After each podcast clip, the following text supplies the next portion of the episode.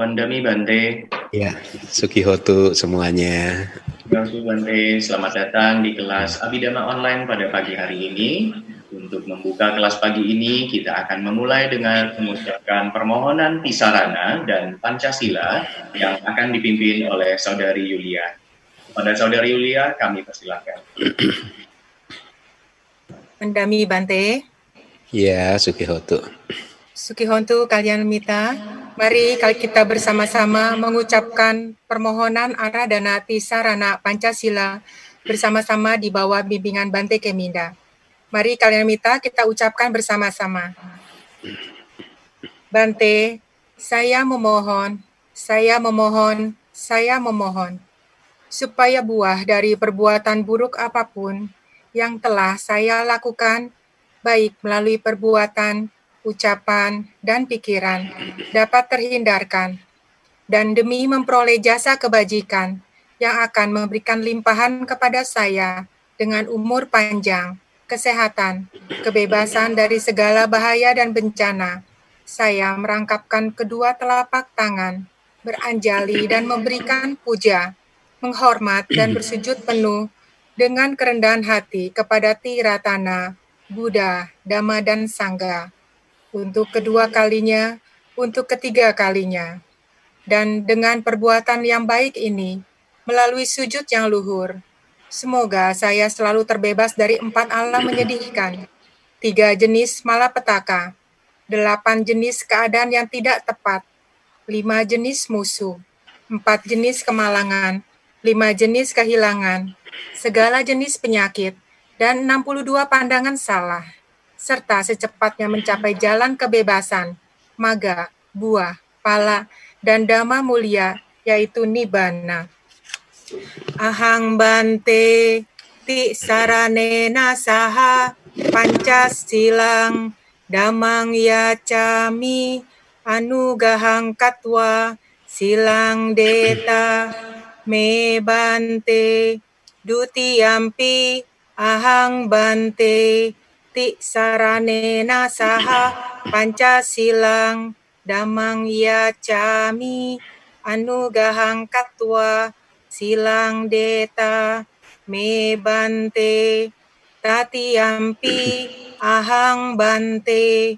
Ti saranena saha pancasilang damang yacami anugahang katwa silang deta Me bante. Yamahang wadami tang wadeda. Ama bante.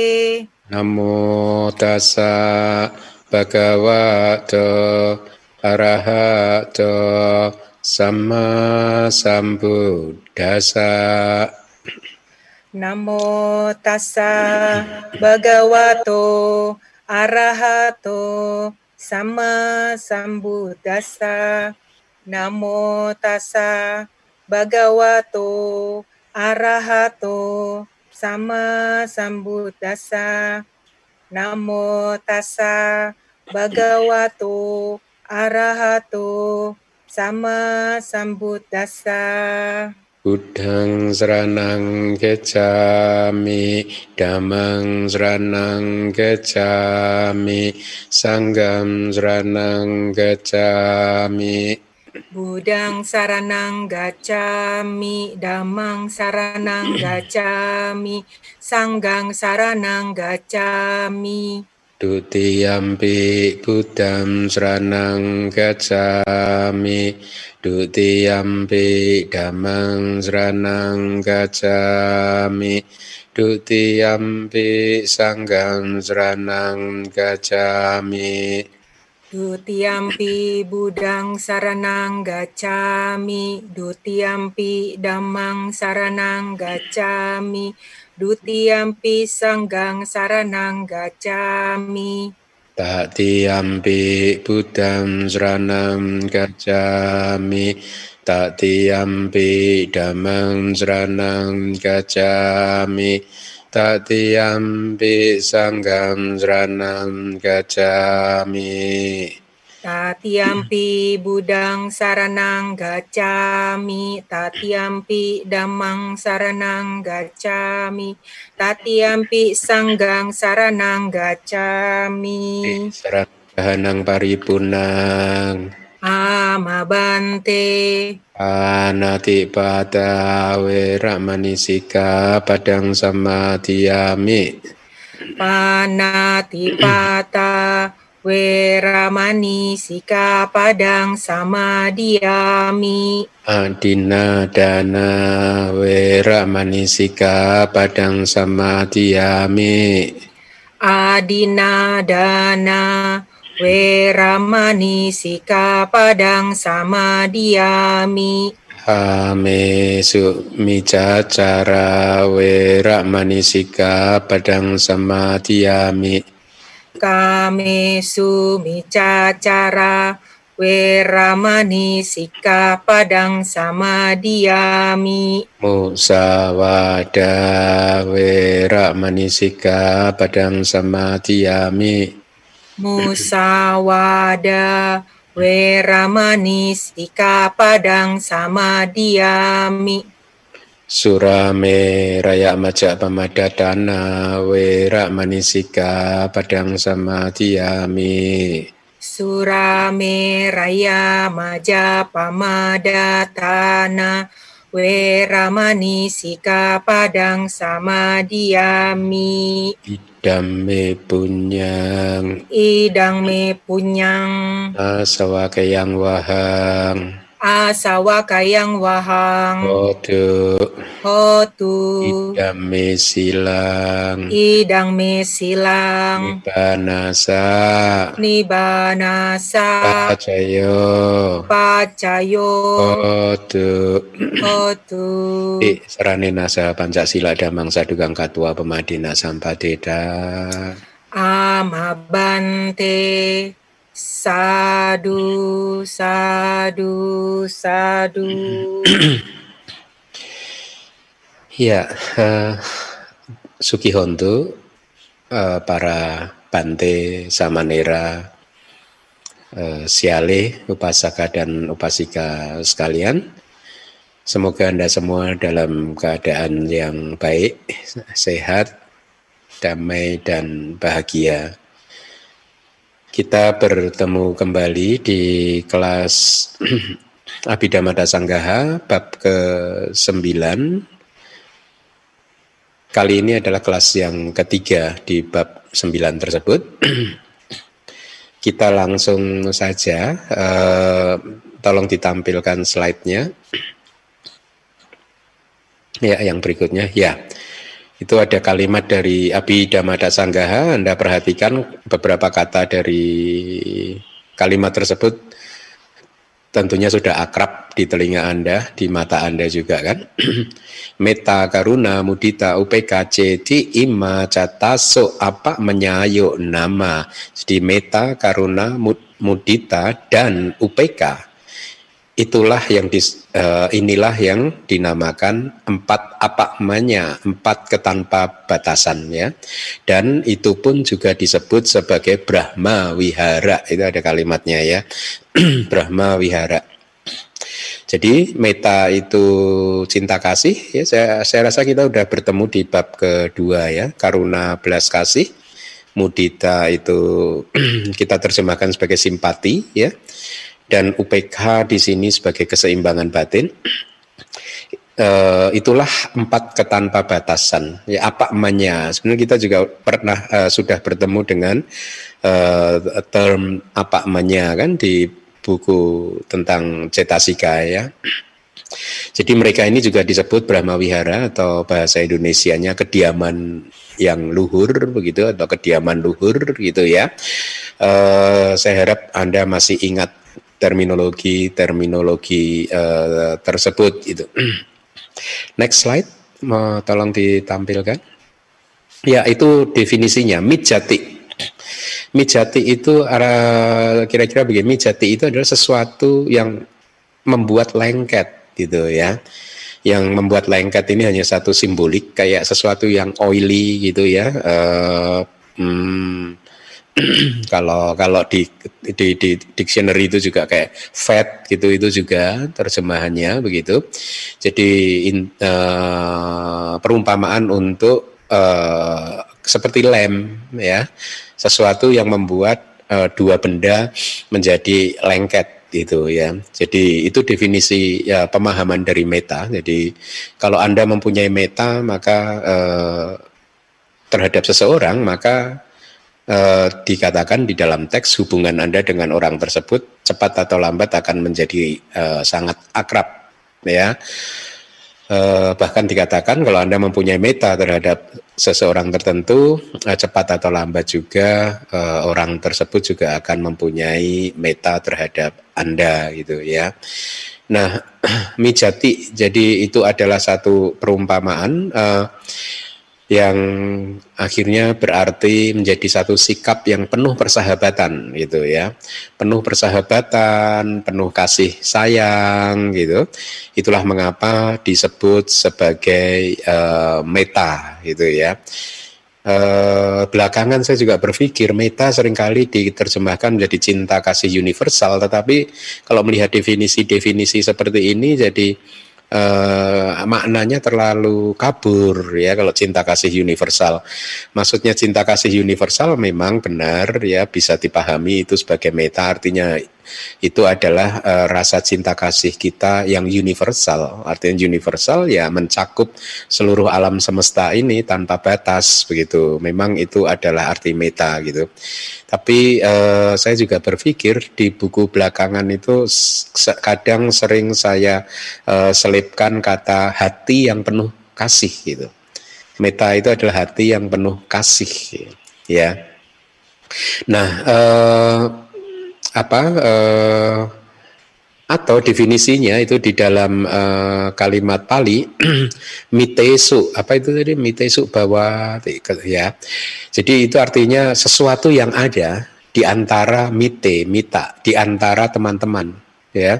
Di antara sahabat-sahabat. Jadi sesuatu yang ada di antara teman-teman itulah meta ya.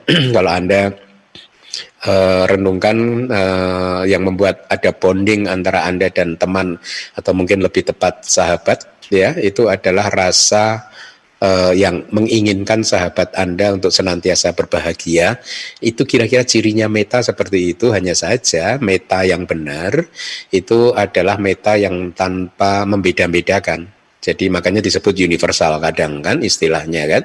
Tidak membeda-bedakan, tidak hanya terhadap manusia bahkan juga terhadap binatang apa pun itu juga. Jadi uh, itu meta yang sempurna gitu ya. Nah, uh, meta atau hmm, cinta kasih atau hati yang penuh kasih kita belum bakukan itu istilahnya ya. Nanti biasanya kalau sudah jadi buku saya akan bakukan gitu. E, kalau sekarang belum mempunyai cukup waktu untuk berpikir juga ya. Yang penting Anda pahami definisinya itu saya rasa e, bukan masalah yang berarti ya kalau Anda paham definisinya. Jadi meta ini memiliki lakhana. Lakhana itu karakteristik atau ternyata bahasa Indonesia juga mempunyai kata yang uh, mirip yaitu laksana itu ya. Uh, lakhana atau laksana atau karakteristik dari meta adalah pengumpulan kesejahteraan dan kebahagiaan bagi makhluk-makhluk itu di dalam teks uh, bahasa palinya itu ada. Sa sa-nya itu meta artinya satanang itu untuk makhluk-makhluk. Hita suku pasang harana lakana. Hita itu kesejahteraan suka itu kebahagiaan upasang harana itu pengumpulan. Lakana itu karakteristik. Jadi sa meta, sa itu meta, sa lakana. Sa memiliki lakana, memiliki karakteristik berupa yaitu hita, suka, upa, sang harana, satanang yaitu kesejahteraan dan kebahagiaan pengumpulan kesejahteraan dan kebahagiaan bagi makhluk-makhluk ya itu adalah meta sementara uh, karuna adalah para duka uh, para duka pana yana kamatalakana apa nayana para duka panayana kamata lakana karuna. Jadi karuna memiliki lakana karakteristik yaitu uh, apa uh, keinginan untuk melenyapkan itu ya. Uh, apa nayana ya kamata Ke, kamata itu kayak keinginan uh, apa nayana keinginan untuk melenyapkan ya. Keinginan untuk melenyapkan para duka. Para duka para itu orang makhluk lain duka itu penderitaan ya. Jadi itulah karakteristik dari uh, karuna ya. Yaitu uh, keinginan di hati kita untuk melenyapkan penderitaan makhluk lain ya. Uh, definisi ini saya rasa udah udah cukup uh, panjang lebar saya kupas di manual abidama jadi saya rasa saya tidak perlu membuang waktu untuk mengulanginya lagi ya. Sementara yang ketiga mudita adalah para sampati pemuda lakana mudita. Mudita memiliki karakteristik berupa kegembiraan ya pemuda ya, kegembiraan terhadap keberhasilan orang lain jadi kalau Anda melihat orang lain berhasil, Anda membangkitkan rasa sukacita uh, atas keberhasilan dia, maka itulah uh, mudita gitu. Sementara yang terakhir UPK itu adalah Ita anitesu majata kara pawati lakana. UPK memiliki karakteristik berupa atau keber, karakteristiknya seperti ini keberlangsungannya ya pawati keberlangsungannya akara dalam corak keberadaan di tengah-tengah di antara sesuatu yang menyenangkan dan sesuatu yang tidak menyenangkan itu. Ita dan anita ita nitesu itu ita dan anita gitu ya. Jadi itulah UPK berada di tengah-tengah di antara sikap uh, maksud saya sikap batin yang menyenangkan dan uh, terhadap objek yang menyenangkan ataupun terhadap objek yang tidak uh, menyenangkan ya. Itu definisinya. Nah, sementara apa manya sendiri keterbatan ketanpa batasan itu mereka disebut apa manya karena mereka ini mengambil objek berupa makhluk uh, tanpa batas ya. Itu lihat bahasa palinya itu. Apa mana sata aramanata ya. Akhiran ta t 2 a. Itu oleh karena ya. Oleh karena apa namanya? Mengambil aramana objek yaitu apa mana sata yaitu makhluk makhluk yang tanpa batas Ya, jadi itu definisinya. Makanya tadi di awal saya katakan meta kadang diterjemahkan menjadi cinta kasih universal karena mencakup semuanya, merangkul semuanya begitu tanpa batas ya. Jadi itu definisi uh, dari apa namanya yaitu uh, disebut apa namanya karena mereka mereka itu adalah meta karuna mudita upk itu mengambil objek apa mana sata makhluk makhluk yang tanpa batas. Ya, ini harus dipahami. Itulah mengapa uh, uh, defini, uh, pengajaran abidama harus mulai didisiplinkan untuk memberikan definisi yang benar ya karena hanya dengan demikianlah maka eh, murid-murid yang mendengarkan saya rasa akan mendapatkan informasi yang valid dan harapannya mereka akan uh, tumbuh dan berkembang uh, sesuai dengan ajaran Buddha. Next slide mungkin ada ya. Uh, utama wihara bawato nggak ada ya? Oh ya, ya utama wihara bawato utama nangwa wihara bawato brahma wiharo itu definisi untuk brahma wihara ya. Disebut sebagai brahma wihara itu ya. Karena wihara bawato karena menjadi kediaman menjadi wihara ya. Menjadi kediaman utamanang yang utama gitu ya.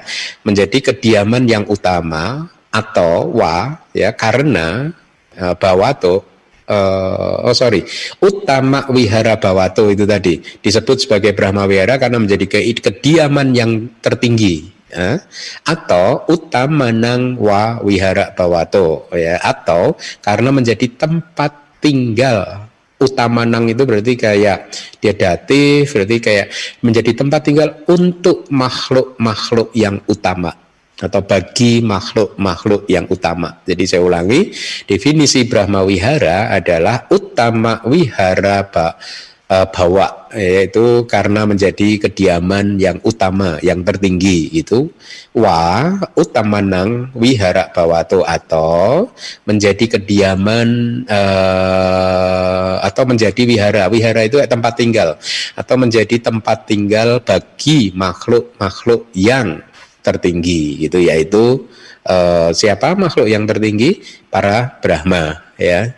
Baik itu Brahma materi halus maupun Brahma non materi itu definisinya. Sekarang next slide slide 10 ya Ahari patik kulaksannya, ekasannya nama. Persepsi tentang makanan sebagai sesuatu yang menjijikkan dinamakan satu persepsi atau dinamakan sebagai satu persepsi atau yang dinamakan ekasannya, yang dinamakan satu persepsi adalah persepsi tentang ahara makanan patik kula yang menjijikkan ya uh, bukan bukan ma ahara makanan patikula sebagai sesuatu yang menjijikkan.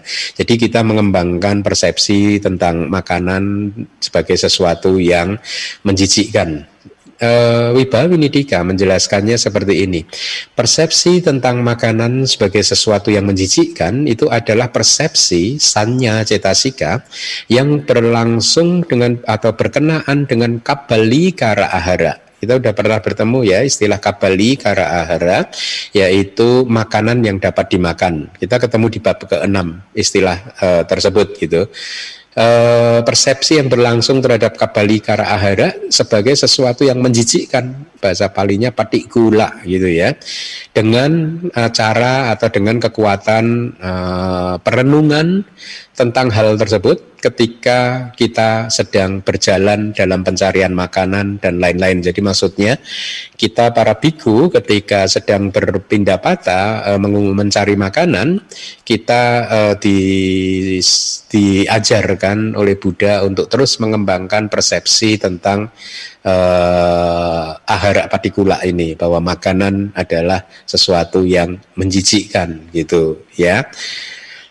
Kemudian next slide, catuk datuk wawathanang ekang wawathanang nama, ekang wawathanang nama. Yang dinamakan ekang wawathanang, yang dinamakan analisis uh, empat elemen, yaitu uh, uh, sorry, yang dinamakan satu analisis adalah analisis tentang empat elemen. Catuk datuk wawathanang satu empat datu elemen ya.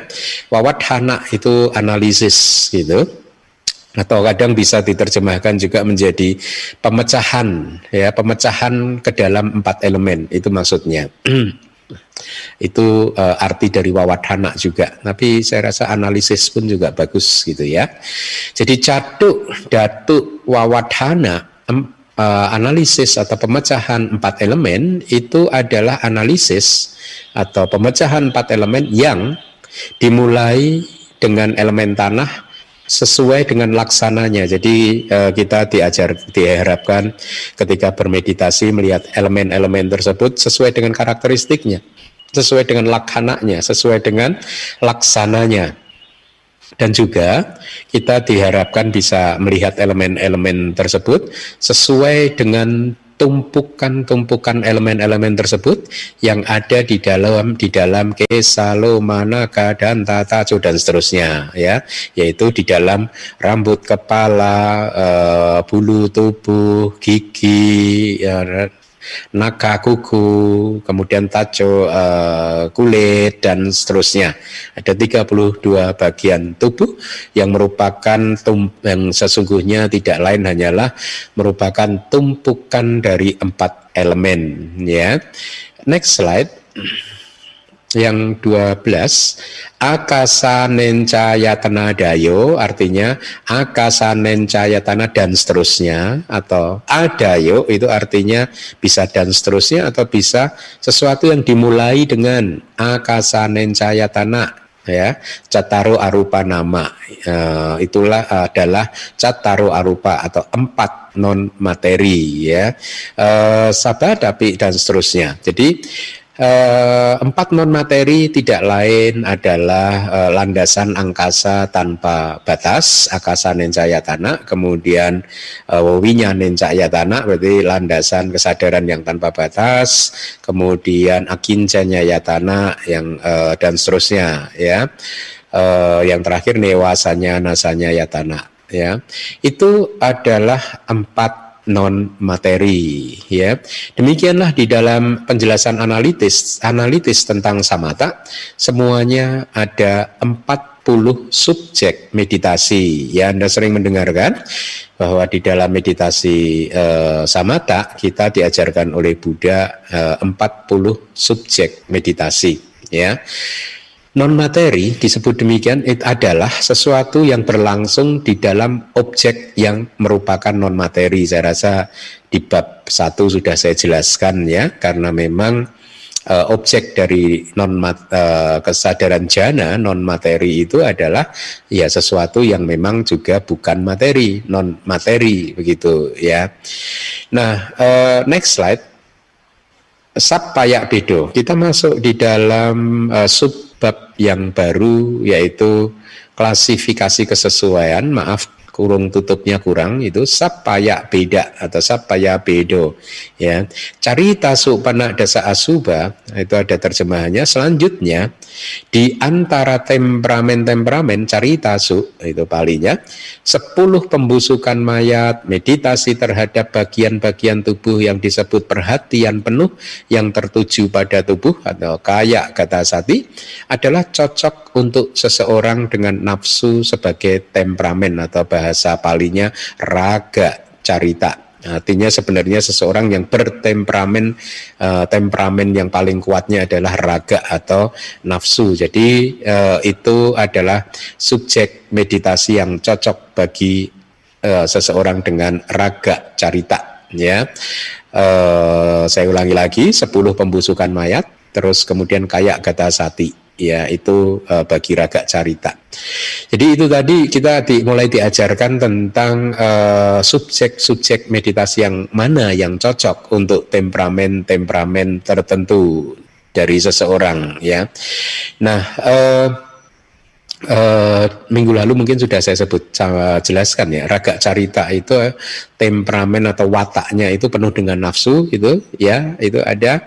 Kemudian seorang individu dengan nafsu yang kuat itu maksud dari raga carita oleh karena keadaannya yang berlawanan langsung dengan nafsu maka subjek meditasi tentang 10 pembusukan mayat adalah cocok untuk dia. Jadi karena kenapa cocok? Ya karena memang subjek meditasi tentang 10 pembusukan mayat itu ya berlawanan dengan nafsu eh, dengan kata lain sulit kan Anda mengembangkan nafsu ketika Anda melihat proses mayat yang membusuk uh, dalam 10 uh, eh, tahapan seperti yang sudah kita pelajari kan ya uh, jadi mudah ya untuk dipahami gitu. Kemudian next slide cataso apa menyayo nila dini cak catarani catari nani dosa carita. Sekarang untuk dosa carita ya. Jadi empat ketanpa batasan yang dimulai dengan ni uh, kasina biru uh, uh, dan empat kasina huh? kok begitu? Sorry sorry saya salah. Empat ketanpa batasan uh, salah terjemahannya. Apa menyayo empat ketanpa batasan nila dini cak catari uh, kasinani. Empat ketanpa batasan uh, uh, jadi subjek meditasi empat ketanpa batasan dan empat kasina yang dimulai dari nila gitu maksudnya. Maaf itu terjemahannya salah itu. Empat ketanpa batasan dan empat kasina yang dimulai dari kasina biru dan seterusnya dosa caritasa untuk seseorang dengan kebencian sebagai temperamen. Maaf ya, udah dikoreksi ya. Jadi saya ulangi lagi koreksinya, empat ketanpa batasan dan ada caknya itu, catari kasinani, empat kasina, nila dini yang dimulai dengan nila atau biru, ya, e, cocok untuk dosa carita cocok untuk seseorang yang atau dengan dosa, kebencian sebagai caritanya atau sebagai temperamennya gitu. Kemudian next slide. Ana panang moha carita sa witaka carita sa napas masuk dan nafas keluar untuk seseorang dengan delusi sebagai temperamen dan untuk seseorang dengan diskursif sebagai temperamen ya. Jadi eh, moha carita dan witaka carita cocok untuk bermeditasi dengan eh, subjek atau objek meditasinya anapana. Kenapa demikian? Karena kualitasnya yang melawan delusi, ya. E, jadi dikatakan bahwa pengamatan terhadap nafas masuk dan nafas keluar itu berlawanan dengan delusi gitu ya. Melalui keadaannya juga yang menjadi budi wisaya. Budi wisaya itu menjadi objek untuk intelek. Intelek itu kayak kecerdasan begitu ya. Dan oleh karena e, menjadi perintang bagi pikiran yang berlarian ke sana kemari, maka anapana cocok untuk moha carita dan witaka carita ya. Jadi itu alasannya. Ya, kenapa anapana cocok untuk moha carita dan witaka carita? Karena eh, anapana itu eh, benar-benar melawan atau berlawanan dengan eh, uh, delusi ya. Kenapa? Karena keadaannya yang menjadi objek untuk intelek. Jadi dikatakan demikian kalau anda mengamati nafas masuk nafas keluar ini nafas masuk panjang nafas masuk uh, mungkin pendek itu uh, kemudian ini nafas masuk lembut nafas keluar kasar misalkan begitu ini keseluruhan tubuh nafas dan seterusnya itulah yang dimaksud bahwa anapana ini menjadi objek untuk intelek untuk budi itu B U D D H I dan juga dia cocok untuk witaka carita karena menjadi perintang bagi pikiran yang berlarian ke sana kemari itu alasan yang diberikan oleh Wibawini Dika. Next slide. Buddha Nusati Adayo Cak Sada Carita. Jadi entak enam cak itu uh, enam Cak Adayo enam yang dimulai dengan Buddha Nusati pemusatan perhatian terhadap Buddha ya Sada Carita Sa untuk seseorang yang atau untuk seseorang dengan keyakinan sebagai temperamen itu. Kenapa demikian? Karena uh, dikatakan Buddha Nusati dan lain-lain cocok untuk sada carita karena kualitasnya yang menjadi sebab untuk pertumbuhan sada Ya, benar kan? Jadi kalau Anda sadar Anda terhadap Buddha, Dhamma, Sangga itu turun, Anda diajarkan untuk melakukan uh, pemusatan perhatian terhadap kualitas-kualitas Buddha, Dhamma, dan Sangga. Gitu. Next slide, marana upasama sanyawa wadhanani budi caritasa marana kematian upasama ketentraman sanya persepsi wadanani dan analisis-analisis gitu ya. Itu kurang lagi itu. Dan analisis-analisis karena do, uh, uh, plural budi caritasa untuk seseorang dengan intelektual sebagai temperamen begitu jadi uh, keten, keten, uh, kematian, ketentraman, persepsi dan analisis-analisis untuk seseorang dengan intelektual sebagai temperamen kenapa demikian Eh, karena keadaannya yang dalam ya. Mereka menjadi objek untuk budi dan intelek itu ya. E, masuk akal juga ya.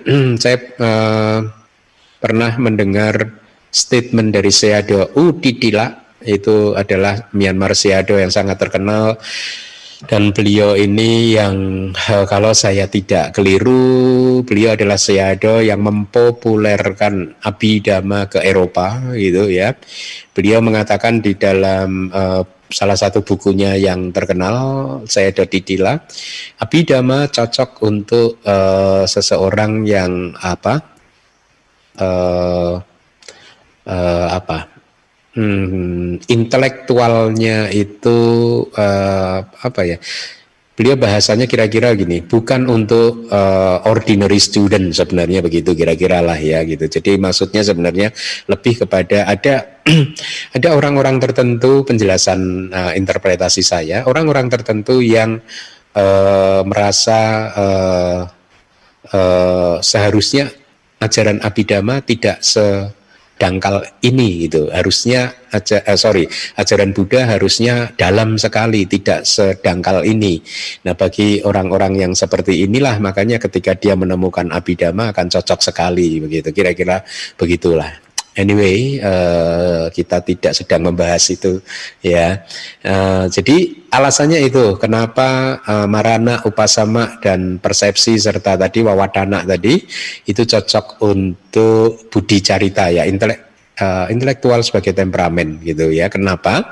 Karena objek-objek itu tadi benar-benar menjadi objek untuk budi atau intelek.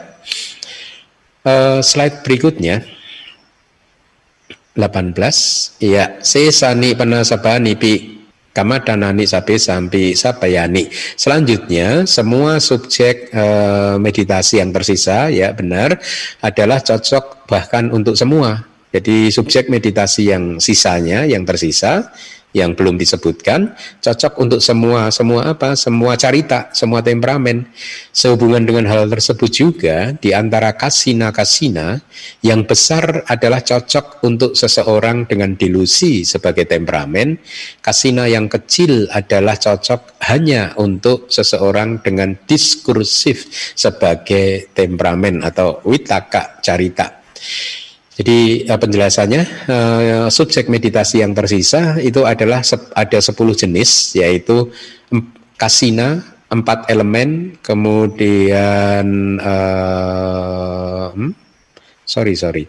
10 yang tersisa itu adalah empat elemen ya. Kemudian yang kelima adalah kasina angkasa harusnya ya. Kemudian yang keenam adalah cahaya kasina cahaya. Enam berarti empat lagi adalah empat arupa. Ya, jadi sepuluh yang tersisa itu adalah subjek meditasi empat elemen, kasina angkasa, kasina cahaya, dan empat arupa. Ya, jadi eh, itu yang dimaksud yang tersisa. Tadi dikatakan kasina yang besar, ukurannya besar maksudnya ya, yang eh, lingkarannya, cakramnya berdiameter yang besar, cocok untuk seseorang dengan delusi sebagai temperamen. Kenapa? Karena di dalam tempat yang sempit batin seseorang yang mempunyai moha carita itu menjadi kebingungan katanya begitu ya di dalam sesuatu uh, apa objek yang kecil batinnya akan menjadi kebingungan. Sementara kasina yang kecil dikatakan hanya untuk seseorang dengan witaka atau diskursif sebagai temperamen oleh karena objek yang besar menyebabkan batinnya berlarian katanya begitu ya. Jadi kalau witaka carita orang dengan uh, carita witaka diberi objek kasina yang besar maka batinnya akan semakin liar semakin berlarian ke sana kemari gitu ya.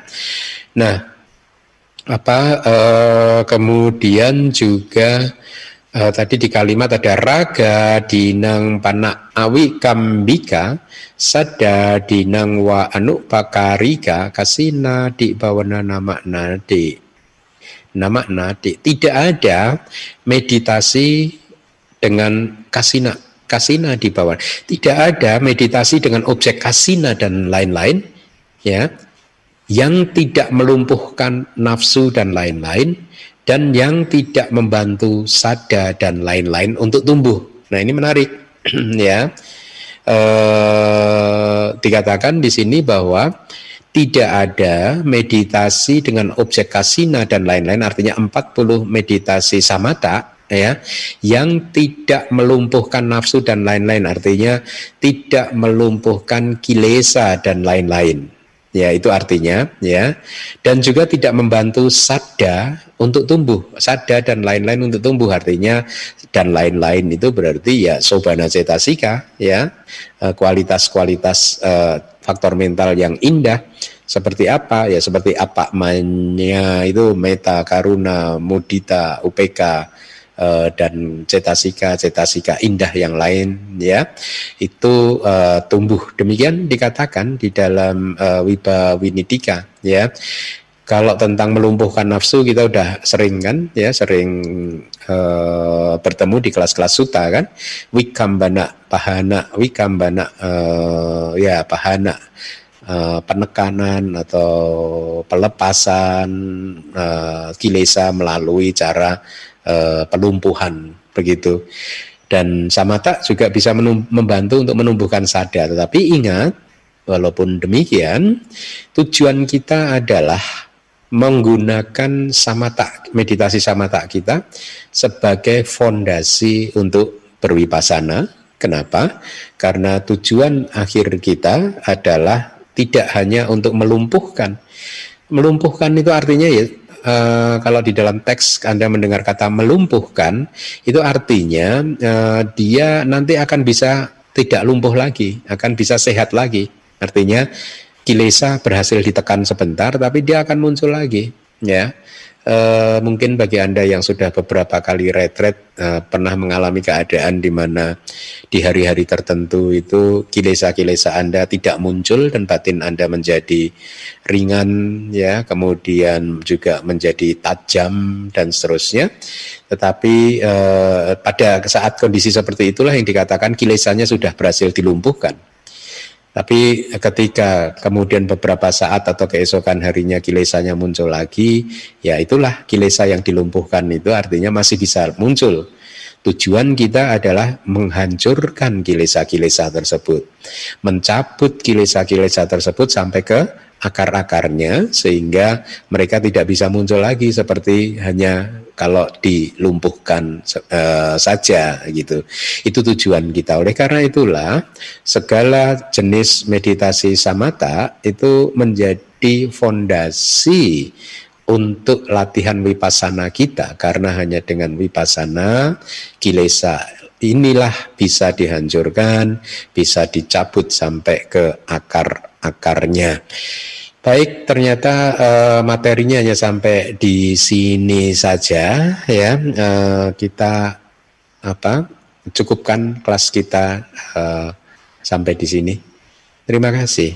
Baik, Bante. Bante atas penjelasan ceritanya yang telah disampaikan kepada pagi hari ini. Selanjutnya kita akan memasuki sesi tanya jawab. Untuk itu kami akan membacakan tata tertib sesi tanya jawab. Yang pertama, uh, pada saat sesi tanya jawab ini, bagi yang ingin bertanya, silahkan klik tanda raise hand. Nah, fitur ini ada di bagian participant, bagi yang komputer, dan ada di bagian titik tiga, bagi yang menggunakan handphone. Host yang akan menentukan siapa yang mendapatkan giliran untuk bertanya, dan diharapkan pertanyaan sesuai dengan topik ceramah. Bagi kalian kita yang diperbolehkan bertanya, akan di-unmute oleh host dan kami harapkan kita untuk memperkenalkan diri dengan menyebutkan nama dan kota atau negara tempat domisili. Dikarenakan adanya keterbatasan waktu, maka tidak semua penanya mendapatkan giliran harap waktu. Kesempatan pertama, uh, belum ada yang resen, sorry. Oke, okay. Kesempatan pertama kami berikan kepada Saudari Suwani Anita. Kami persilakan membuka. Bante, selamat pagi. Iya. Uh, Bante, saya mau nanya, kalau misalnya kita objek meditasi, awalnya kita kan anapanasati. Setelah kita anapanasati, kita mengganti objeknya menjadi objek yang Bante jelaskan itu asina cahaya itu itu membayangkan cahaya atau bagaimana Batik? Oh, kalau uh, maaf suara Anda agak uh, tidak bisa saya dengarkan secara lengkap, tapi mudah-mudahan saya bisa menangkap uh, pertanyaan Anda ya. Uh, kalau sudah meditasi anapanasati tidak perlu ganti-ganti lagi tidak perlu ganti-ganti lagi, sudah kembangkan saja uh, meditasi dengan objek nafas masuk dan nafas keluar sampai mencapai uh, apa yang disebut sebagai konsentrasi benar dan setelah mencapai konsentrasi benar kemudian Anda uh, memanfaatkannya uh, untuk mengamati nama dan rupa sesuai dengan instruksi guru. Jadi tidak perlu uh, meditasi dengan 40 subjek meditasi dengan apa 40 uh, eh, subjek meditasi samata ini bukan harus dilatih satu persatu ya eh, satu saja eh, itu sudah cukup karena ini hanya dipakai sebagai basis atau fondasi untuk berwipasana. Demikian Ibu. Atau kadang mungkin kalau pas merasa sadanya atau ada kilesa sedang muncul dan sulit untuk dienyahkan atau sadanya menurun, maka pada saat itu ibu bisa gunakan meditasi Buddha Nusati, Dhamma Nusati, Sangga Nusati, dan seterusnya. Demikian, mudah-mudahan jelas. Berikutnya kesempatan kami berikan kepada saudari Aris Arifah, kami persilakan untuk bertanya. Uh, terima kasih banyak Bante atas kesempatannya. Uh, saya ada dua pertanyaan Bante. Pertama, uh, meta yang dimaksud cinta kasih universal itu berarti ke semua ya Bante, termasuk misalnya orang-orang yang telah berbuat jahat kepada kita. Uh, seperti itu yang mungkin Bante. Terus kemudian kalau misalnya seseorang itu sudah vipassana, kemudian kilesanya hancur, itu berarti uh, seseorang itu sudah tidak ada tidak ada kotoran batin sama sekali. Apakah benar berarti tidak pernah muncul sekalipun ya Bante? Pertama hmm. itu. Terus yang kedua mengenai akasa tanpa batas. Nah, uh, yang saya tangkap tadi Bante ada empat elemen apakah masing-masing elemen itu ada akasa, ada akasa yang merupakan uh, dalam salah satu elemen itu akasa uh, tanpa batas gitu Bante. Ma maaf kalau misalnya pemahaman saya salah Bante mohon diluruskan. Terima kasih banyak Oke, oke. Okay, okay. Ya, yang pertama adalah tentang meta, benar itu adalah uh, apa? Kita harus melatih meta sampai ke level uh, uh, bahkan musuh-musuh kita pun menjadi bukan musuh lagi gitu ya. Atau orang yang bahkan Anda katakan tadi pernah menyakiti Anda maka Anda harus mengembangkannya sampai ke dalam tahapan di mana ketika Anda panggil wajah dia sudah tidak ada lagi rasa sakit hati dan yang ada hanyalah mengharapkan dia bahagia ya eh, rasa dari meta itu sangat luhur sekali, sangat agung sekali karena eh, apa? Dia memang benar-benar adalah uh, faktor mental yang indah kan ya. Jadi ketika dia muncul maka batin sesungguhnya berada dalam keadaan yang maha kusala, yang bersih sekali ya karena uh, ditopang oleh kekuatan dari konsentrasi juga ya. Saya rasa saya juga pernah menyampaikan bahwa untuk mengembangkan meta uh, yogi atau meditator harus mengembangkannya melalui empat tahapan ya. Yang pertama adalah memunculkan rasa cinta kasih atau hati yang penuh kasih terhadap diri kita sendiri, kemudian terhadap orang yang yang tahap kedua adalah terhadap orang yang kita sayangi, kemudian yang ketiga adalah terhadap objek-objek orang atau makhluk yang uh, netral, artinya kita tidak sayang tapi juga kita tidak membencinya biasa-biasa saja mungkin anda bisa arahkan itu ke objek uh, siapa siapa pun juga yang uh, uh, apa uh, anda merasakannya itu sebagai uh, dalam hatinya netral-netral saja.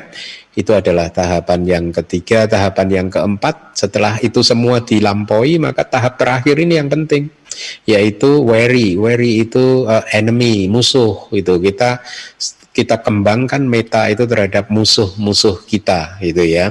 Nah, musuh-musuh itu ya termasuk orang yang menyakiti kita itu satu definisi kan ya. Jadi itu tahapannya atak piya majata weri itu tahapan empat tahapan untuk mengembangkan meta. Hanya ketika Anda sudah berhasil mengembangkan meta ke tahapan yang keempat dan ketika melihat semua orang yang Anda benci uh, wajah mereka tampak di dalam citra batin Anda. Dan Anda yang ada hanyalah perasaan sukacita yang sangat kuat, bukan sukacita seperti uh, yang kita alami di dalam kehidupan sehari-hari. Sukacitanya berbeda, jauh lebih powerful, jauh lebih lembut, jauh lebih mulia ya karena benar-benar tidak didorong oleh keserakahan atau loba mula cita gitu ya. Eh, apa? Jadi ketika uh, yogi bisa melihat semua musuh-musuhnya dan dia bisa membangkitkan meta terhadap orang tersebut dengan perasaan sukacita yang seperti tadi saya katakan, maka dia baru dikatakan sudah mencapai sima sambeda. Sima sambeda, sima itu adalah boundary, sambeda itu adalah breaking gitu. Jadi dia sudah memecahkan, melakukan pemecahan terhadap boundary, terhadap batasan, batasan-batasan Batasan apa yang dimaksud di sini? Batasan antara aku dan bukan aku, antara saya, ini saya, itu bukan saya, gitu. Uh, saya, uh, ini orang yang saya sukai, itu bukan orang yang saya sukai. Jadi pembatas garis-garis pembatas itu hancur ketika yogi berhasil mengembangkan meta sampai ke tahapan yang keempat, yaitu yang secara terminologi teknisnya disebut sebagai sima sambeda itu ya. Uh, the breaking up of the barrier juga bisa diterjemahkan seperti itu itu ya. Nah, uh, itu adalah meta. Yang kedua tadi apa ya? Saya, saya tadi lupa, tidak mencatat. Pak Handi mencatat yang enggak? terkait hmm? Yang vipassana Bante seandainya kata misalnya seseorang udah melakukan vipassana kan kekotoran batinnya misalnya Oh I see. Baik, baik. Nah, apakah itu Baik, baik. Baik, ketika seseorang berwipasana, ya, tahapan-tahapan dalam wipasana itu seperti yang sudah saya sampaikan, kita sudah pelajari di kelas-kelas uh, terdahulu, ya. Ada 16 uh, realisasi pengetahuan-pengetahuan wipasana.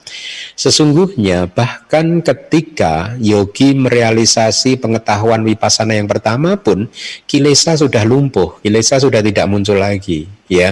Jadi dengan kata lain sesungguhnya di sepanjang proses berlatih wipasana ketika merealisasi pengetahuan wipasana yang pertama sampai kemunculan maga nyana ya dan juga sampai yang terakhir pacawe kana nyana ya ke review itu tidak ada kilesa yang muncul ya tidak ada kilesa karena ketika kilesa masih masih bisa muncul maka pengamatannya akan menjadi buram lagi kabur lagi.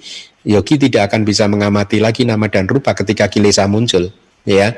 E, tidak akan ada e, pengetahuan yang mendalam ketika kilesa masih e, tidak dilumpuhkan atau belum dilumpuhkan begitu e, jadi e, dari sejak realisasi wipas pengetahuan wipasana yang pertama kedua dan seterusnya itu kilesa lumpuh sebenarnya ya. Tetapi ketika yogi mencapai maga nyana yaitu pengetahuan jalan ya pada saat itu ada eh, kebijaksanaan atau jalan kesadaran jalan itu sendiri sebagai satu kolektif agregat dari nama kanda agregat eh, nama dia menghancurkan kilesa-kilesa tertentu. Maka ini istilahnya berbeda menghancurkan bukan melumpuhkan. Kalau melumpuhkan nanti bisa bangun lagi bisa bangkit lagi. Kalau sudah dihancurkan ya sudah hancur, dia nggak bisa muncul lagi.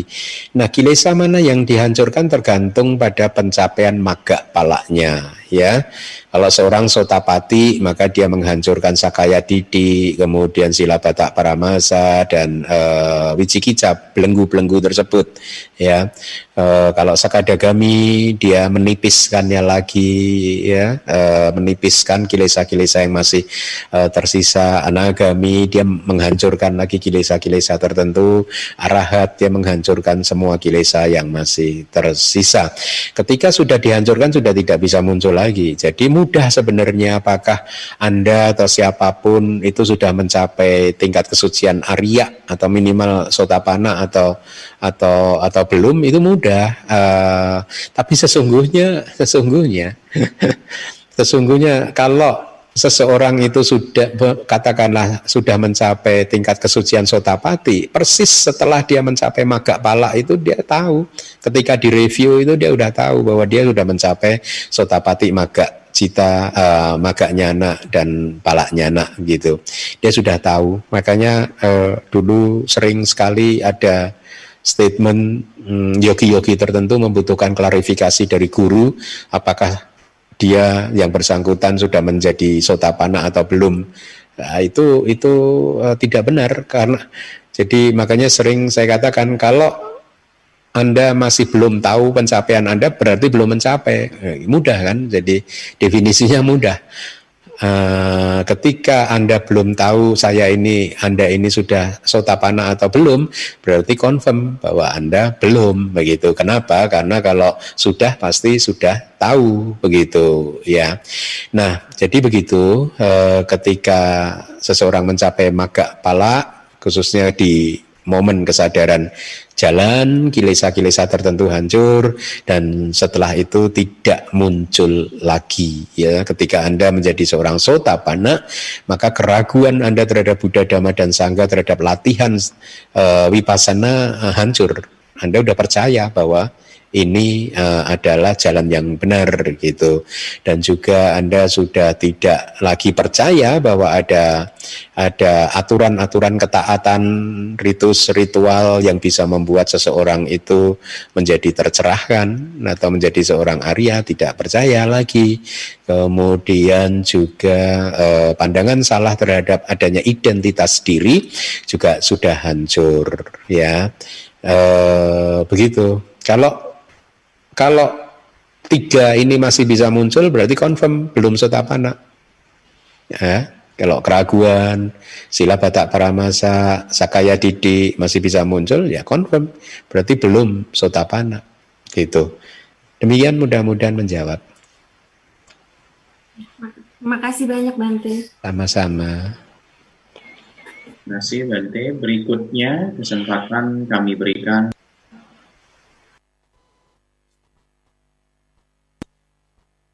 uh, maaf.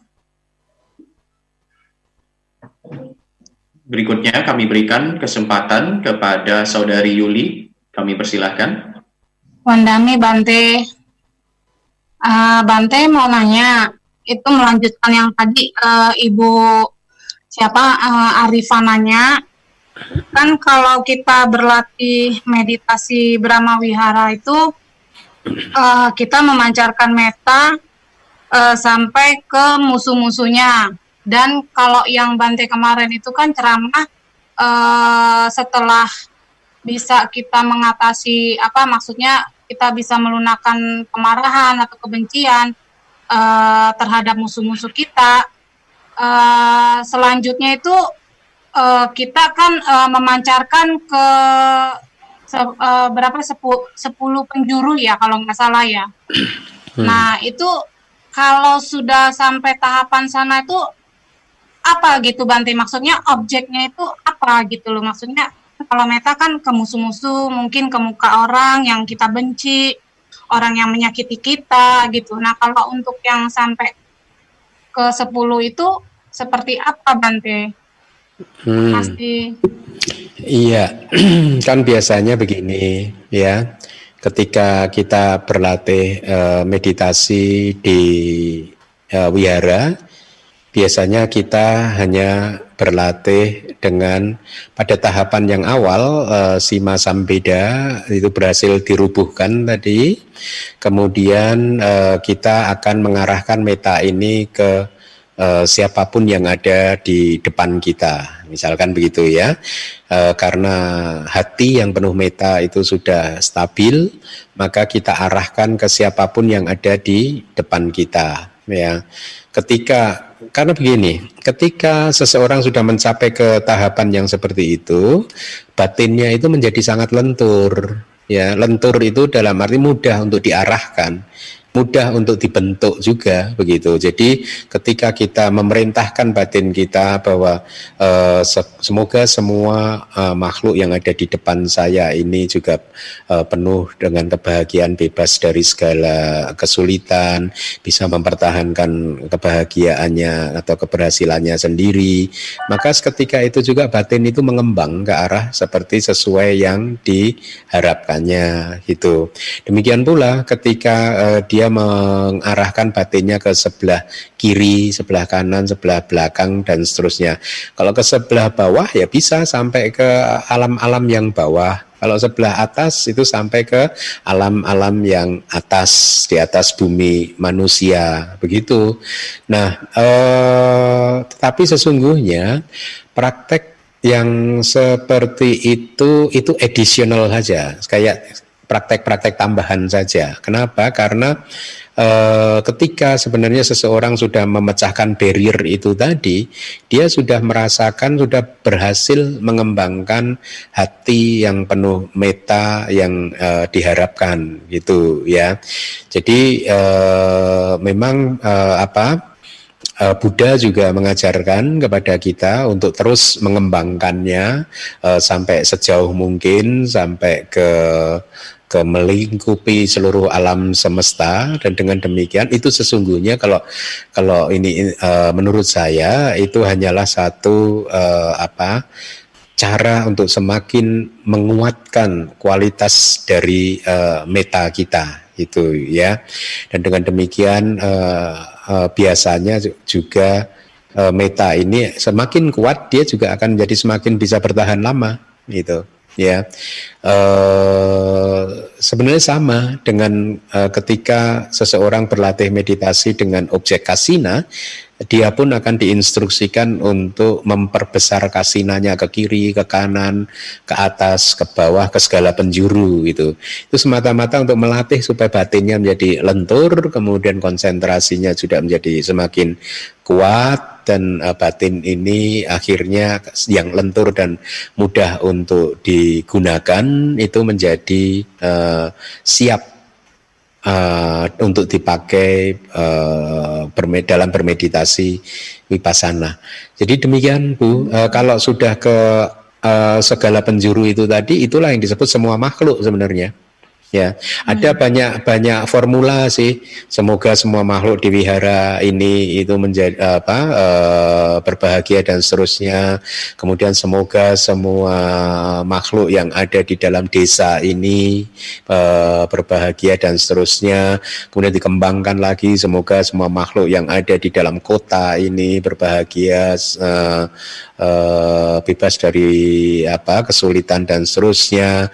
Kemudian mungkin semua makhluk di dalam negara ini, kemudian di dalam region ini ada berbagai uh, formula untuk mengembangkannya. Tapi tujuannya adalah untuk membuat batin ini menjadi fleksibel dan memperkuat konsentrasi juga sebenarnya ya. Dan efeknya memang uh, menjadi di membuat uh, yang bersangkutan menjadi semakin terampil di dalam melatih meta tersebut. Demikian mudah-mudahan menjawab. Terima kasih Bante, sadu, sadu, sadu. Hmm.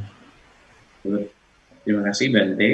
Hmm. Berikutnya kesempatan kami berikan kepada Saudari Linawati, kami persilakan untuk bertanya. Bandami Bante, dengan yeah. saya benar. Uh, Bante, saya mau melanjut tadi uh, penjelasan dari Bante uh, tentang bagaimanakah kita tahu kalau kita udah di posisi sotapana? Nah, kalau misalkan kata Bante kita bisa merasakan sendiri, uh, bisakah kita dikatakan kalau kita terlalu pede gitu kan kita kan uh, kata Bante kita, uh, kita bisa tahu sendiri. Nah, kalau kita tidak bertanya dengan yang lebih tahu gitu seperti Bante atau yang uh, yang lainnya gitu, uh, kita tahu sendiri apa nggak nggak terlalu berlebihan Bante? Iya. Yeah. Makanya tadi saya katakan kalau masih harus bertanya berarti belum mencapai, Bu. Uh, begitu kira-kira ya. Kalau masih membutuhkan seseorang sebagai uh, tempat untuk bertanya, berarti itu belum mencapai. Itu rumusnya begitu. Kenapa? Karena ketika seseorang mencapai sotapati maga dan palak, ketika proses kognitif mag jalan uh, dan buah itu lenyap akan muncul uh, apa? uh, Pacawekana uh, review, dia akan mereview tadi jalan maga apa yang sudah dicapai, pala apa, nibana itu direview semua. Kemudian kilesa yang dihancurkan, kilesa yang uh, masih tersisa itu akan direview sama yang uh, bersangkutan gitu. Itu proses itu alamiah itu. Proses itu alamiah ya. Dan kalau tadi saya mengatakan uh, uh, di dalam kehidupan sehari-hari kalau katakanlah keraguan-raguan terhadap Triratna masih masih katakanlah nih katakanlah Anda berwipasana, seseorang berwipasana, kemudian dia sudah melakukan review gitu ya, dan dia dia masih sedikit uh, ragu di dalam reviewnya, dia bisa menggunakan double check di dalam kehidupan sehari-harinya. Apakah uh, belenggu-belenggu yang dihancurkan itu masih bisa muncul atau tidak ya tiga belenggu kan ya yaitu uh, Sakaya Didi, Silabata Paramasa dan Wicikica masih muncul atau tidak? Kalau masih muncul ya confirm, berarti belum Sotapana. Itu hanya double check saja. Uh, tapi sebenarnya cek yang pertama ya di dalam uh, review tadi persis ketika dia mencapai nibana untuk pertama kalinya ketika keluar dari nibana karena uh, karena jalan dan buah itu mengambil nibana sebagai objek. Ketika dia sudah melep berganti objek maka dia langsung seketika akan review ya. Ada banyak sekali laporan dari para yogi ketika uh, dia mencapai maga dan pala itu ya. Uh, apa yang uh, mereka lakukan itu. Banyak sekali yang uh, uh, apa Hmm, saya mendengar juga begitu. Jadi eh, kira-kira seperti itu. Ada yang mungkin bereaksi, eh itu tadi pertama gitu ya. Setelah keluar dari meditasinya, setelah mereview itu dia mengingat-ingat lagi, misalkan itu tadi kayak gitu tuh apa tadi ya gitu. Oh itu ternyata nibana ya begitu. Ya, karena memang itu adalah pengalamannya yang pertama, melihat atau mengalami sesuatu yang seperti itu, maka ketika bahkan ketika sudah mereview pun sempat juga akhir seketika akan muncul semacam eh itu tadi apa ya gitu. Oh, itu tadi lah nibana gitu. Itu dia confirm sendiri begitu, ya. Karena nibana adalah dhamma yang seumur hidup sejak awal samsara belum pernah dia alami, maka wajar kalau pada awalnya muncul eh, ungkapan-ungkapan seperti yang saya katakan tadi, gitu. Ya. Uh, ada lagi Bante, saya mau bertanya satu lagi.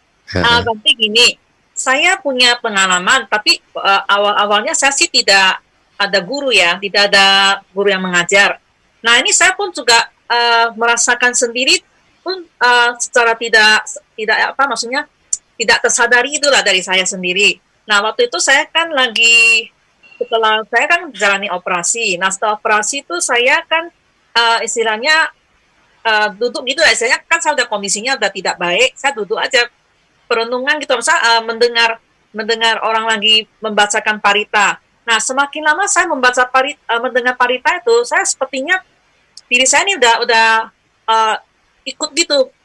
Bante ikut sampai saya yang dikatakan Bante tadi melihat kasina cahaya saya udah punya pengalaman sampai ke sana Bante nah waktu itu saya tidak tahu kalau saya meditasinya sampai ke Anapanasati yang kasina ini yang ke kasina cahaya inilah. Nah itu makin lama makin percaya sepertinya uh, suasananya tuh kita dalam keadaan ke sinar matahari itu ya, terang banget. Nah waktu itu kondisinya saya bisa meditasi besok lusanya itu kondisinya sepertinya saya tahu gitu meditasinya bertahan sampai berbulan-bulan hampir setahun saya masih bertahan. Nah setelah saya jalanin meditasi itu uh, pada titik itu saya masuk dalam kekosongan Bante. Saya pun sempat bingung ini ini kekosongannya kok seperti begini. Nah itu saya harus gimana ya Bante? Apa memang saya salah meditasi atau atau saya harus jalanin meditasi kekosongan itu karena saya pun juga tidak ada bimbingan Bante gitu, Bante-Bante hmm. yang bisa mengajarkan saya. Hai, iya, uh, sulit untuk memberikan uh, analisis ataupun tanggapan terhadap pengalaman seperti itu ya. Karena memang harus tahu detail dan lain sebagainya. Itu bagaimana begitu Bu banyak poin yang harus saya ketahui gitu. Tapi sebenarnya begini apa pun itu juga pengalaman masa lalu adalah pengalaman masa lalu. Tidak perlu dilekati ya. E, kalau pengalaman masa lalu itu ternyata bisa menjadi tonggak e, Tonggak itu artinya hmm, titik awal dari ibu untuk semakin uh, stabil dan kokoh di dalam ajaran Buddha, maka seharusnya seperti itu, Ibu. Tetapi kalau ternyata sejak pengalaman apa pun itu ya, itu uh, sada terhadap Buddha masih naik turun, kilesa masih naik turun, kemudian tekad untuk mengikuti petunjuk-petunjuk Buddha masih naik turun, maka itu tidak terlalu di apa bukan sesuatu yang uh, cukup baik sebenarnya. Artinya dengan kata lain sesungguhnya pengalaman apa pun itu yang bagus itu adalah yang membuat siapa pun anda dan yang lainnya mulai teguh kokoh bertekad sejak hari itu saya tidak akan mundur lagi istilahnya seperti itu ya saya akan mengikuti ajaran Buddha dan saya akan cari ajaran Buddha dan seterusnya dan seterusnya dan praktek dengan uh, serius uh, dengan uh, keseluruhan jiwa raga katakanlah demikian. Seharusnya seperti itu. Semua pengalaman spiritual itu akan membawa kepada tekad yang seperti itu kalau menurut saya gitu ya. Nah kalau tidak, ya tidak perlu. Sebenarnya eh, pengalaman masa lalu tidak perlu untuk dipermasalahkan lagi. Yang penting sekarang juga bagaimana gitu. Yang penting sekarang mari kita berlatih gitu. Jadi eh, demikian bu. Eh, jangan melekati pengalaman-pengalaman masa lalu. Eh, hal yang sama juga jangan membenci pengalaman-pengalaman masa lalu. Uh, saya nggak benci sih Bante. Cuma saya uh, merasa memang setelah saya pengalaman hal-hal tersebut, diri saya sudah berubah. Saya semakin yakin dengan ajaran saya, dengan agama hmm. Buddha saya yakin banget, ya.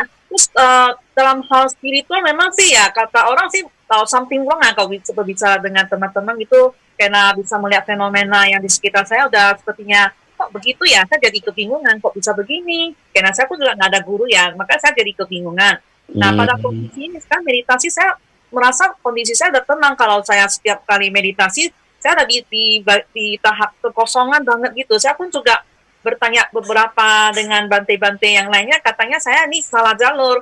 Maksudnya saya salah meditasi pernafasan. Saya pun bingung mau latih ke mana gitu, arah saya ke mana. Karena saya uh, bilangnya latih pernafasan saya udah oke okay, gitu. Padahal nafas saya jadi jadi ini ya, jadi halus banget. Ya saya yeah. Bingung mau ke mana ini? Kalau memang salah jalan saya mulai dari mana? Kalau nafas terus bingung deh. Ya hari mulai dari nol dari nol gitu nggak ada gurunya gitu nanti. Iya Bu, uh, kalau menurut saya seharusnya zaman sekarang ini peluang untuk berlatih di bawah bimbingan guru yang kompeten itu terbuka lebar ya. Uh, sekarang masih ada COVID gitu ya, kan banyak kan retret-retret yang uh, diadakan uh, apa uh, di Indonesia ini ya. Jadi kalau ada retret-retret begitu Anda boleh bergabung ya. Itu kesempatan bagi Anda untuk melatihnya dan kemudian bertanya, menanyakannya kepada guru yang kompeten gitu. Kalau seperti ini agak sulit untuk menganalisisnya gitu karena datanya juga terlalu uh, sedikit. Kemudian juga uh, saya juga tidak maksudnya begini, kalau misalkan Anda dalam retret misalkan bersama dengan saya begitu, saya bisa mengamati perkembangan Anda setiap harinya. Itu sehingga saya mulai mendapatkan gambarannya begitu. Tapi kalau seperti ini agak sulit, makanya saya sarankan Ibu kalau e, merasa kesulitan nih nggak ada guru, saya sarankan nanti kalau sudah nggak ada pandemi, begitu ada retret-retret dan Anda harus benar-benar evaluasi gurunya kompeten atau tidak itu harus dicek ya e, kompeten. Jadi istilahnya begini loh kalau mau mengevaluasi guru. Kita ini mencari guru katakanlah ibaratnya saja mencari dokter gitu ya. Mencari dokter gitu, maka ya kita harus benar-benar melihat dokter yang kita mau tuju ini pernah kuliah kedokteran enggak ya pernah pernah ini enggak menempuh jenjang-jenjang uh, pendidikan yang seharusnya tidak, pernah menempuh jenjang-jenjang latihan yang seharusnya atau tidak, begitu harus diperiksa gitu ya. Jangan hmm. karena kan nanti akan ada kejadian misalkan Anda mencari dokter dan ternyata dokternya itu nggak pernah sekolah, nggak pernah kuliah, nggak pernah menempuh jenjang-jenjang yang praktek-praktek yang seharusnya dia lakukan gitu, ya toh. Tapi disebutnya sebagai dokter itu makanya anda harus teliti gitu gurunya itu benar-benar berkualitas, ber, uh, mempunyai kualifikasi, kompeten atau tidak gitu.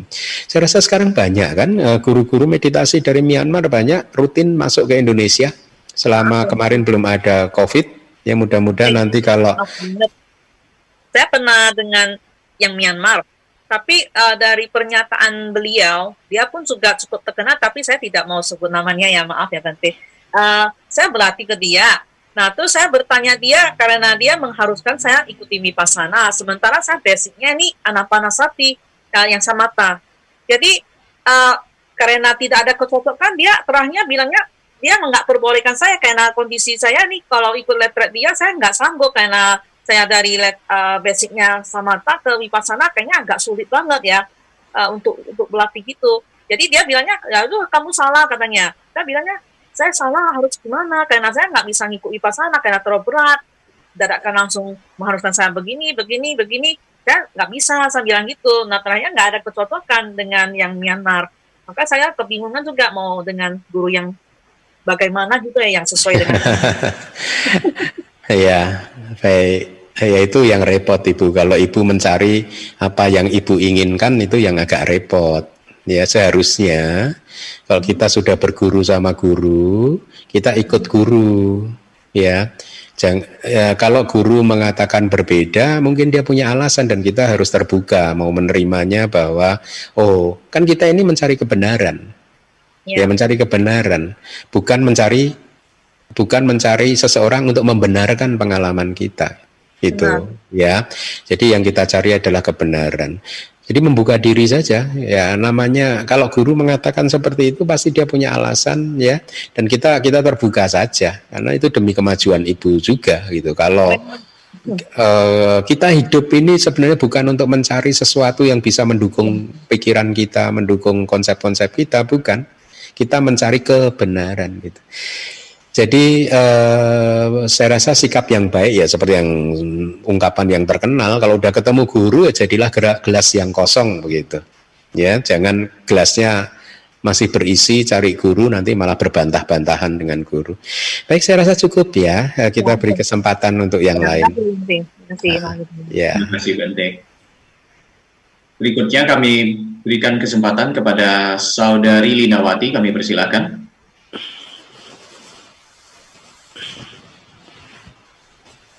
Saudari Linawati, boleh untuk unmute. Oke, mungkin sepertinya terjadi gangguan. Kami lanjutkan ke pertanyaan berikutnya kepada C. Aling. Silahkan.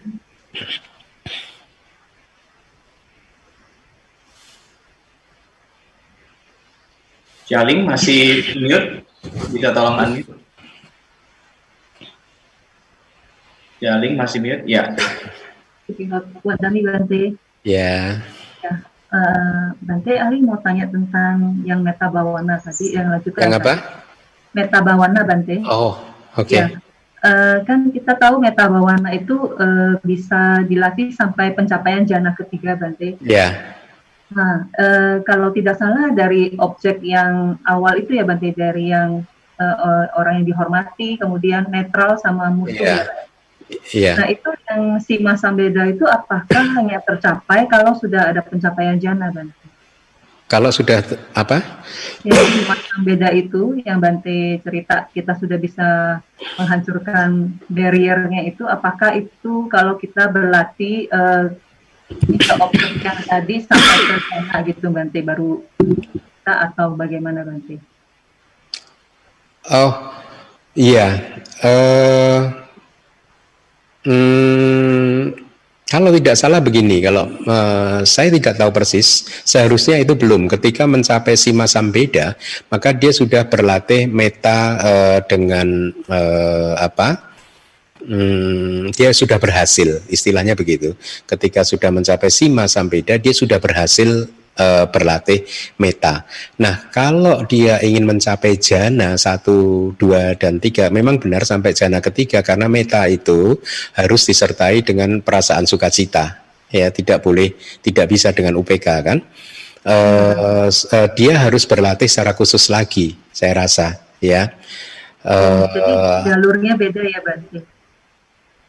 Jalurnya hmm, beda, Bante uh, jalurnya beda ya tetapi sima sambeda adalah tahapan yang harus dicapai terlebih dahulu kan harus ter, harus dicapai terlebih dahulu.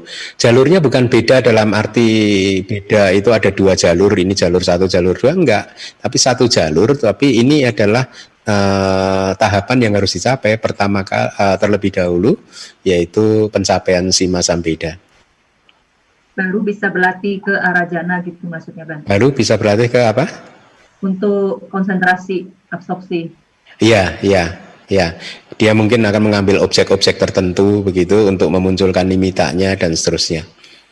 Hmm, okay. Kalau kalau ketika mencapai sima sambeda ini kan pikiran kita masih bergerak kan? Hmm. Nah, bergerak kita arahkan ke depan, belakang dan seterusnya begitu kan? Jadi setelah itu, setelah kokoh itu, dia akan mungkin mengambil satu objek untuk uh, dijadikan nimita dan akan dilatih di situ. Nanti berarti yang 528 meta itu yang yang tujuan dari yang Sima Sambeda itu ya Bante ya? Kenapa? Yang 528 meta itu? itu oh iya, iya. Iya. Betul, betul. Betul. Iya, benar, benar. Terima kasih Bante. Ada ya di buku saya sudah ditulis ya 528 ya? Sepertinya ada di buku sebelumnya, buku 6 sepertinya Bante. Buku 6? Uh, bukan, Sutanta kali ya nanti Sutanta. Bung Sutanta ya. Nah, kalau ingat boleh diinformasikan juga ke teman-teman supaya bisa mengerti juga. Ya, saya pernah menerjemahkan uh, 528 objek meta di buku ya, Sutanta mungkin ya. Baik. Nanti Aling cari lagi Banti. Makasih Banti. Ya. Terima kasih Bante. Berikutnya kesempatan kami berikan kepada Saudara Suprianto. Kami persilahkan.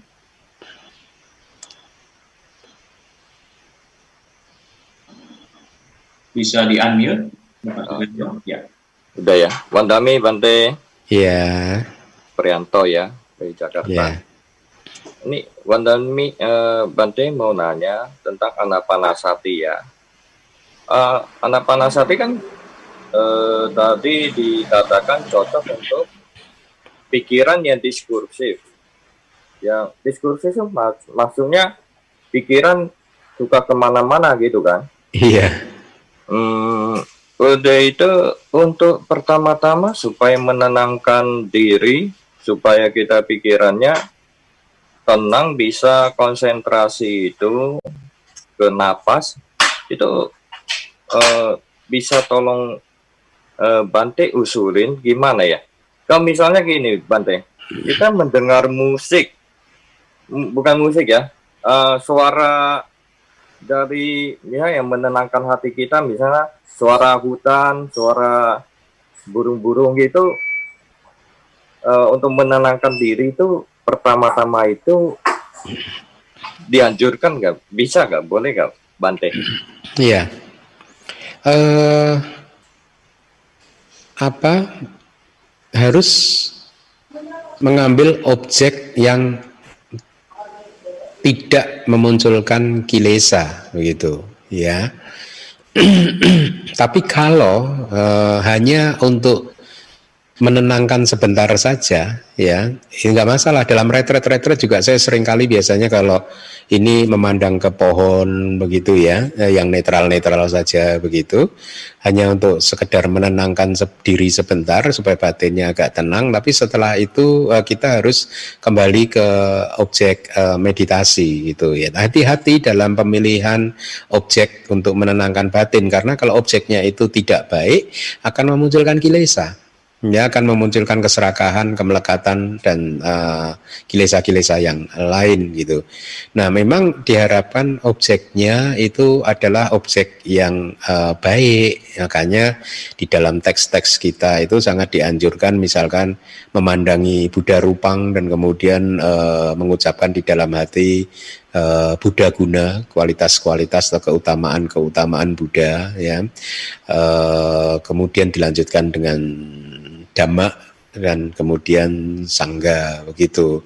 Jadi uh, untuk menenangkan batin yang bergejolak tersebut ada banyak cara ya. Misalkan cara itu tadi atau uh, kalau Anda berada dalam retret ya Anda bisa mengambil langkah dengan mengamati tetap nafas tapi dalam postur berdiri, posisi tubuh berdiri gitu.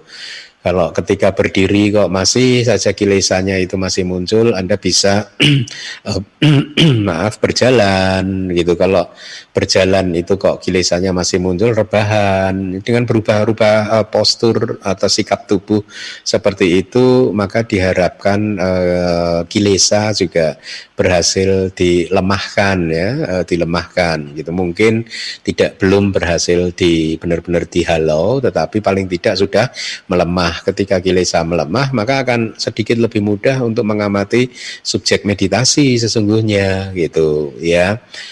Nah tadi ada pertanyaan witaka ya witaka itu pikiran yang ke sana kemari ke sana kemari gitu kan itu maksud dari diskursif gitu ya jadi pikirannya aktif pikirannya aktif gitu itu eh, apa cocok dengan meditasi anapana.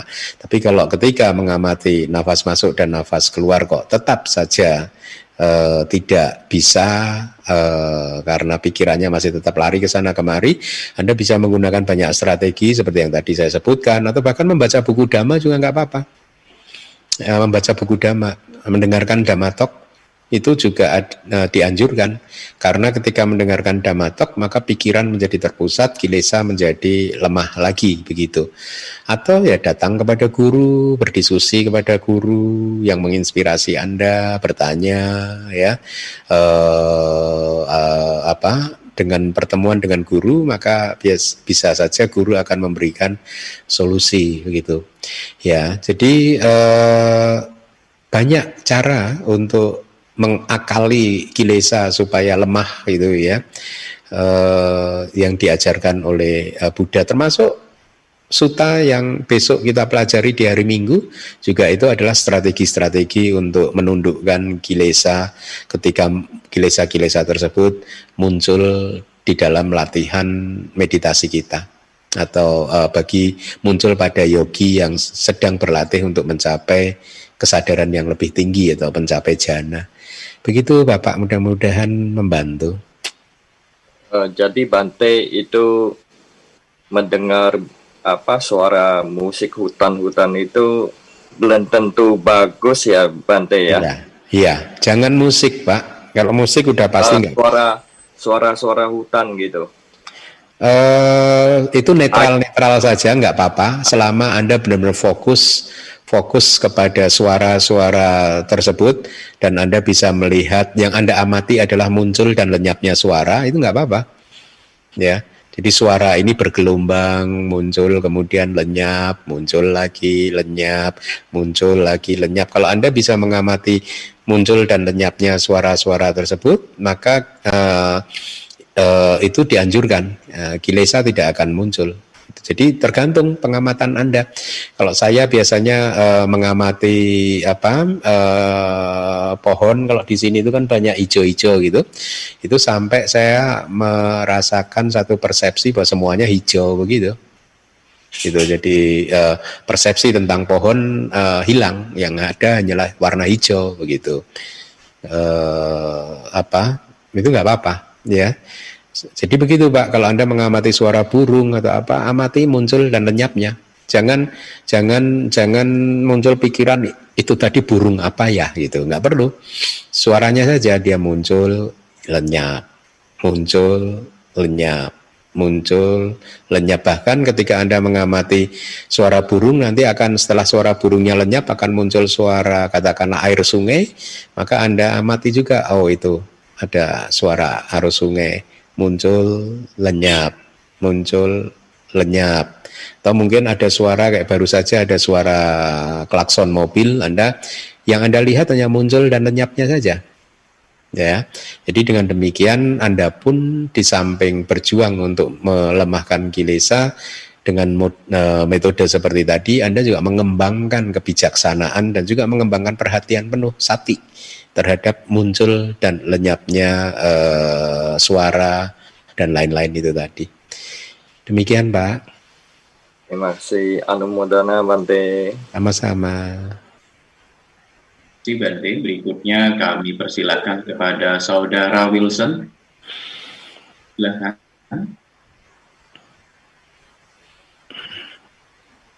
Saudara Wilson, silakan diambil. Panjami Bante Sukiyotu. Iya. Perkenalkan, saya Wilson. Yang ingin saya tanyakan berkaitan dengan subjek meditasi yang kaya gata sapi. Apakah kita perlu memperhatikan 32 bagian tubuh atau cukup hanya memperhatikan salah satu sensasi bagian tubuh yang dominan saja. Mohon bimbingannya Bante, terima kasih.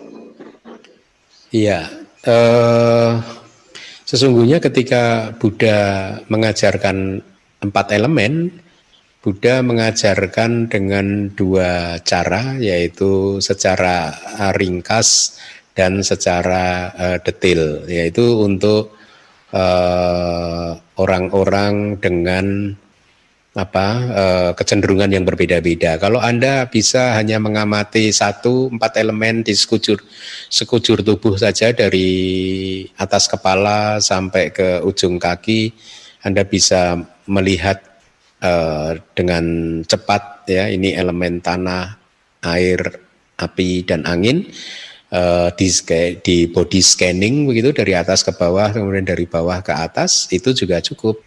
Tapi kalau itu pun uh, dirasa belum cukup, maka Anda bisa mengamati 32 bagian tadi uh, tubuh karena itu juga hanyalah tumpukan dari empat elemen, ele, empat uh, tumpukan dari empat elemen. Jadi uh, ada dua cara ya dan saya rasa sama-sama benar keduanya sama-sama benar. Ada banyak teknik meditasi yang hanya mengajarkan uh, kita hanya mengamati empat elemen dari atas ke bawah saja. Dan saya pernah itu retret dengan cara yang seperti itu begitu. Ya. Demikian mudah-mudahan menjawab. Saya rasa kita cukupkan dulu karena uh, kebetulan saya ada jadwal lain Pak Andi. Baik Bante. Ya. Oke okay, baik kalau begitu kita akhiri sesi tanya jawab hari ini. Selanjutnya kita akan melakukan satu lagi kebajikan yaitu dana parami di mana Anda dapat berdana melalui dompet digital dengan scan QRS code yang ada di layar komputer atau HP Anda saat ini ya atau bisa dengan transfer ke rekening BCA Yayasan Dhamma Wihari dengan kode 01 di akhir nominal dana Anda. Barcode QRS ini pun bisa difoto dan di-save di handphone anda supaya Anda bisa melakukan dana kapan pun dan di mana pun Anda berada. Kami ingatkan kembali untuk tidak meninggalkan kelas online ini terlebih dahulu sebelum Bante meninggalkan kelas. Atas perhatian dan kerjasamanya kami ucapkan terima kasih. Dengan penuh sukacita dan pemahaman yang benar tentang berdana, mari kita siapkan batin kita untuk melakukan kebajikan melalui dana paramu.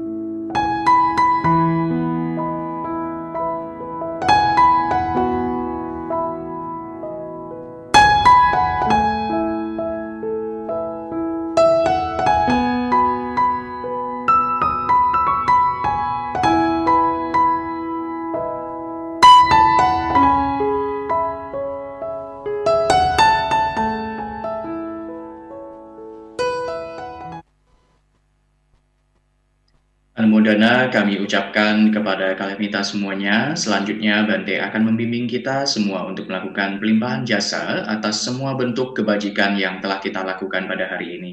Mari kita semua beranjali.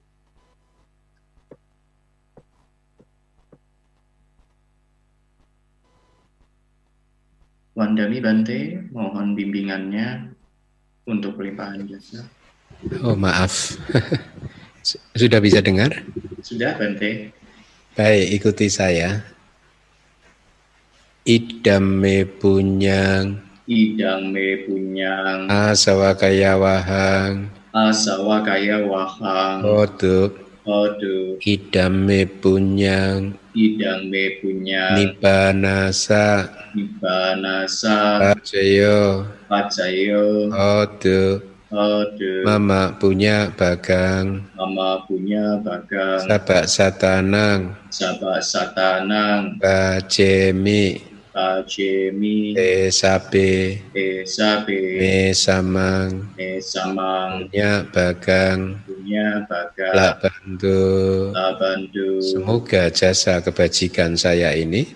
Semoga jasa kebajikan saya ini mengalir ke arah kehancuran noda-noda batin mengalir ke arah kehancuran noda-noda batin. Semoga jasa kebajikan saya ini Semoga jasa kebajikan saya ini menjadi kondisi untuk merealisasi nibbana. Menjadi kondisi untuk merealisasi nibbana. Saya membagikan bagian kebajikan ini. Saya membagikan bagian kebajikan ini kepada semua makhluk. Kepada semua makhluk. Semoga mereka semua. Semoga mereka semua mendapatkan bagian kebajikan mendapatkan bagian kebajikan yang sama dengan saya. Yang sama dengan saya. Sadu. Sadu, sadu, sadu. Sampai bertemu minggu depan. Terima kasih Bante. Iya. Jalannya dan bimbingan Bante pagi ini. Mari kita tetap beranjali sambil berucap Anumodana Bante atas Dhamma Desana dan bimbingannya. Terima kasih Bante. Anumodana Bante. Bante selalu dalam keadaan sehat dan bahagia. Dengan berakhirnya pembelajaran Dhamma, kami mempersilakan Bante untuk meninggalkan kelas Abhidhamma online ini. Terima kasih Bante. Modana.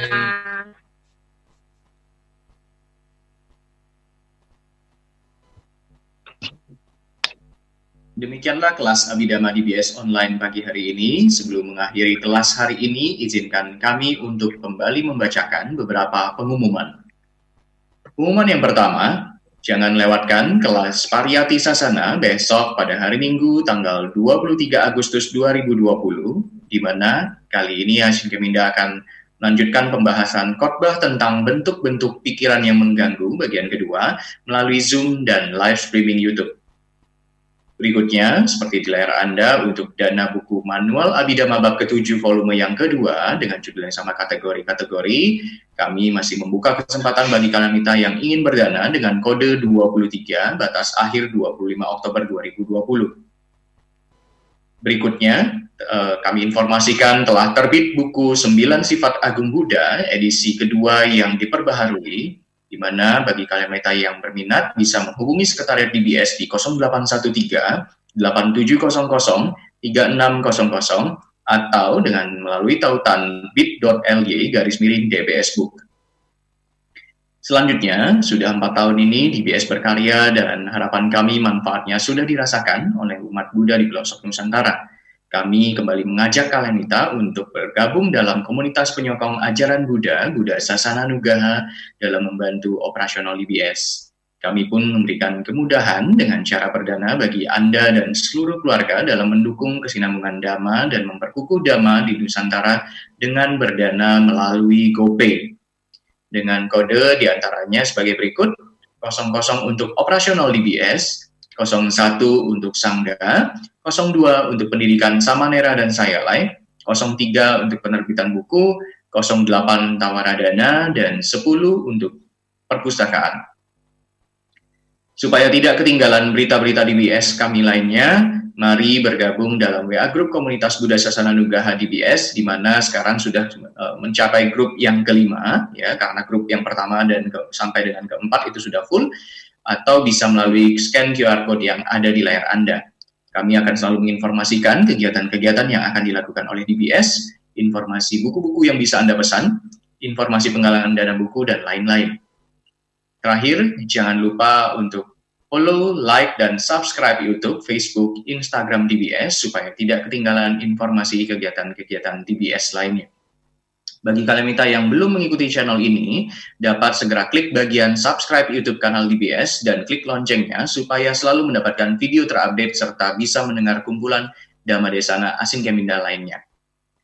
Akhir kata, kami ucapkan terima kasih dan sampai bertemu di kelas online DBS selanjutnya.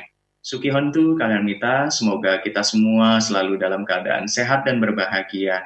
Sadu, sadu, sadu.